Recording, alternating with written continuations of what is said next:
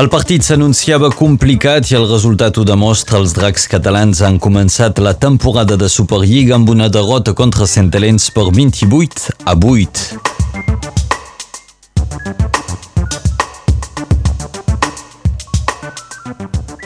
A l'inspecció d'acadèmies debatia ahir de l'obertura i tancament de classes. Finalment, 19 classes seran tancades a la pròxima rentrada per 14 obertures. Alain Ferran, al Valle del Barcarès, ha sortit de la presó. El seu advocat doncs, ha denunciat un defecte de procediment.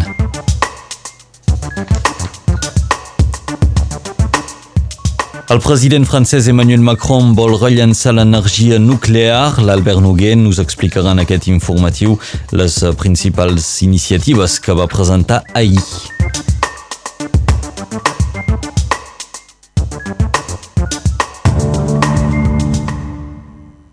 Ahir es va debatre del tancament i l'obertura de classes a Catalunya Nord. Malgrat una oposició unànime dels sindicats, la inspecció acadèmica va validar el tancament de 19 classes i 14 obertures.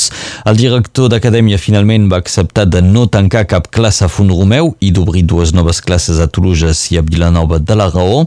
El sindicat SNUPP denuncia aquests tancaments i considera que l'atribució de set mestres suplementaris al departament és insuficient consideren que per compensar l'augment del temps de descàrrega dels directors d'escola, doncs només per això caldria ja una desena de nous mestres. La carta escolar preveu també la creació d'una nova unitat d'inclusió pels alumnes en situació d'handicap a Clairà. La inspecció acadèmica anuncia una baixa de 304 alumnes per la rentrada vinent, per un total doncs de 38.221 alumnes escolaritzats. De mitjana hi haurà 22 alumnes per classe de primària a la rentrada vinent. I el govern francès presentarà avui el nou protocol sanitari a les escoles que permetrà que, que entrarà en funcionament després de les vacances escolars del mes de febrer. Sabrem, doncs, per exemple, si la mainada haurà de seguir portant la mascareta al pati de l'escola o si encara si els infants casos contacte hauran de presentar tres proves Covid negatives.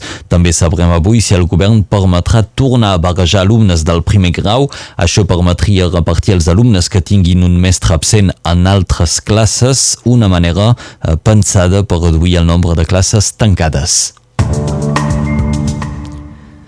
El Valle del Barcarès, Alain Ferran, va sortir de presó ahir després d'estar tancat 16 dies per no haver respectat el seu control judicial. La cambra d'instrucció del Tribunal d'Apel·lació d'Eix de Provença ha decidit anul·lar la seva detenció per un defecte de procediment. Tot i sortir de presó, Ferran encara és acusat d'extorsió en banda organitzada, concussió i de complicitat per destrucció de proves. El pròxim dia 30 de març, el tribunal estudiarà a petició dels advocats de Ferran la demanda de nulitat de la seva condemna. Vaga avui a l'Hospital de Perpinyà per denunciar la situació insostenible del servei d'urgències. En els darrers dies, diverses tendes van ser instal·lades al pàrquing davant del servei d'urgències per rebre els pacients. Aquestes tendes han estat finalment desmuntades, però el problema de la saturació de les urgències persisteix. Els sindicats CGT i EFO reclamen més mitjans. 17 dels 20 agents de la brigada de nit de la policia municipal de Perpinyà amenacen de tornar a fer vaga a partir d'aquesta pròxima mitjanit.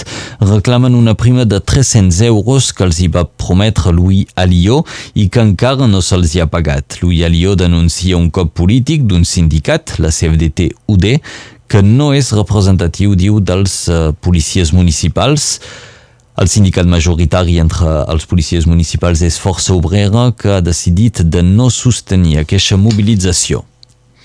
La presidenta de la regió, Carola Delga, ha estat reconeguda com a elegida local de l'any 2021. El Premi Trombinòscop recompensa l'acció i el professionalisme de les personalitats polítiques que han destacat al llarg de l'any en el marc de llur mandat o llur funció. Ha mort l'escriptora Maria Antònia Oliver a l'edat de 75 anys. Nascuda a Manacor i resident a Barcelona, Maria Antònia Oliver destaca per la publicació d'obres com l'estudi Lila, Antípodes o Joana E. És, eh, escriu, va escriure novel·la, narracions curtes, teatre, però també articles i guions, però també va traduir grans autors, com pot ser el cas de Jules Verne. Va ser pioner en el gènere com pot ser la novel·la Negra en llengua catalana. El 2016 va rebre el Premi d'Honor de les Lletres Catalanes, també va rebre la Creu de Sant Jordi i va guanyar, entre altres, el Prudenci Bertrana i el Premi Ramon Llull del govern balear. El president francès Emmanuel Macron vol rellençar l'energia nuclear. Poques setmanes abans de l'elecció presidencial a l'estat francès, Emmanuel Macron anuncia la construcció de sis reactors EPR2 i l'estudi de vuit altres reactors EPR suplementaris. També anuncia voler allargar la vida útil de les centrals nuclears franceses en funcionament més enllà dels 50 anys. El president Macron també vol desenvolupar petits reactors modulars, els SMR. Els primers reactors es eh, començarien a construir el 2028, serien el CPR2 per una entrada en funcionament al 2035. Més explicacions amb l'Albert Noguer. El president, pas encara candidat, ha anunciat que fins i tot es crearà una direcció interministerial per la nova energia nuclear francesa. Per validar aquestes opcions es faria una consulta ciutadana al segon semestre del 2022. També caldria revisar la programació plurianual de l'energia que preveu el tancament de 14 reactors nuclears d'aquí al 2035, però doncs, que seria revisada el 2023. Macron avança que un estat francès sense reactors nuclears nuclears seria un territori amb 40.000 eòliques contra 8.000 actualment, 90 parcs eòlics marins contra només un avui. Segons el president candidat, amb aquest sistema, França seria totalment tributària del que anomena una energia intermitent i es veuria obligada a importar electricitat produïda a l'estranger amb energies fòssils. Una estratègia nuclear de l'estat francès que serà possible gràcies a l'acord obtingut al nivell europeu per considerar l'energia nuclear com una energia verda per lluitar contra el rescalfament climàtic. A canvi d'aquesta acceptació, l'estat eh, francès eh, va acceptar per la seva banda incloure també el gas com energia verda, és a dir, una energia fòssil per produir electricitat. El cost d'aquest ambiciós programa nuclear seria d'entre 48 i més de 60 miliards d'euros. Això si no hi ha sobrecostos com el de l'EPR de Flamanville, que ha vist el seu cost multiplicat eh, per 4, eh, sense parlar dels retards absolutament enormes que està acumulant. L'estat francès és a la cua a nivell europeu pel que fa del desenvolupament de les energies renovables i no està gens segur que si es tira endavant aquest pla recuperarà el seu retard a temps. Moltes gràcies, Albert Noguer. Parlem ara dels esports. Mal inici de temporada per als dracs catalans que ahir van perdre contra Centelens amb el resultat de 28 a 8. Els dracs hauran patit el llarg de tot el maig davant d'un equip de Centelens contundent i potser fins i tot més preparat a nivell físic. El president dels dracs catalans, Bernard Guasc, nos, nos ho deia aquí a Radio Arrels, la manca de preparació de l'equip podria tenir una influència sobre el resultat, i així ha estat. Abans d'aquest primer maig oficial, els dracs només van jugar un sol partit amistós de pretemporada. El pròxim partit dels dracs serà el 19 de febrer a Perpinyà contra Wakefield, un match que podreu seguir en directe per Radio Arrels.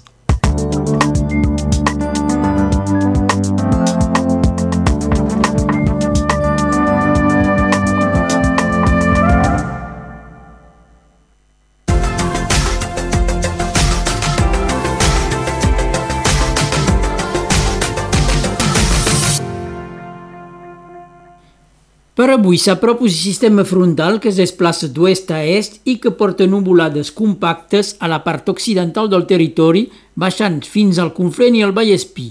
Cap a la tarda es trenca una mica i veiem saia el sol entre núvols, però no queda ben net i tranquil. A alguns punts locals de cotes mitjana pot caure algunes gotes. Per les temperatures, les mínimes pugen i les màximes són semblants als dies anteriors. 6 als angles, 12 a la Guingueta, 11 a Tuès, 8 a Mantet, 14 a Codalet, 15 a Bula Ternera, 16 al Soler, a Tuí, a Vivers i a Elna, 13 a Sant Llorenç d'Esterdans, 14 a Colliure, 15 a Vingrau i 13 a l'Esquerda. A Palafrugell, a l'Empordà, 16 graus. Fa 27 graus a la ciutat del Cap, a Sud-àfrica, on l'11 de febrer de 1990 van alliberar Nelson Mandela després de 27 anys de captiveri a Robben Island. L'11 de febrer de 1878 s'organitza a Cabestany un festival per la llibertat d'expressió amb la participació de molts artistes nord i sud catalans. L'acte és una resposta a l'inculpació d'Albert Boadella i a la prohibició de la peça de teatre La torna dels grups als Uxars. L'11 de febrer de 1853 apareix la verge a una noia de la vila de Lourdes. Per això, avui és el dia de la Mare de Déu de Lourdes, també és Santa Eloïsa.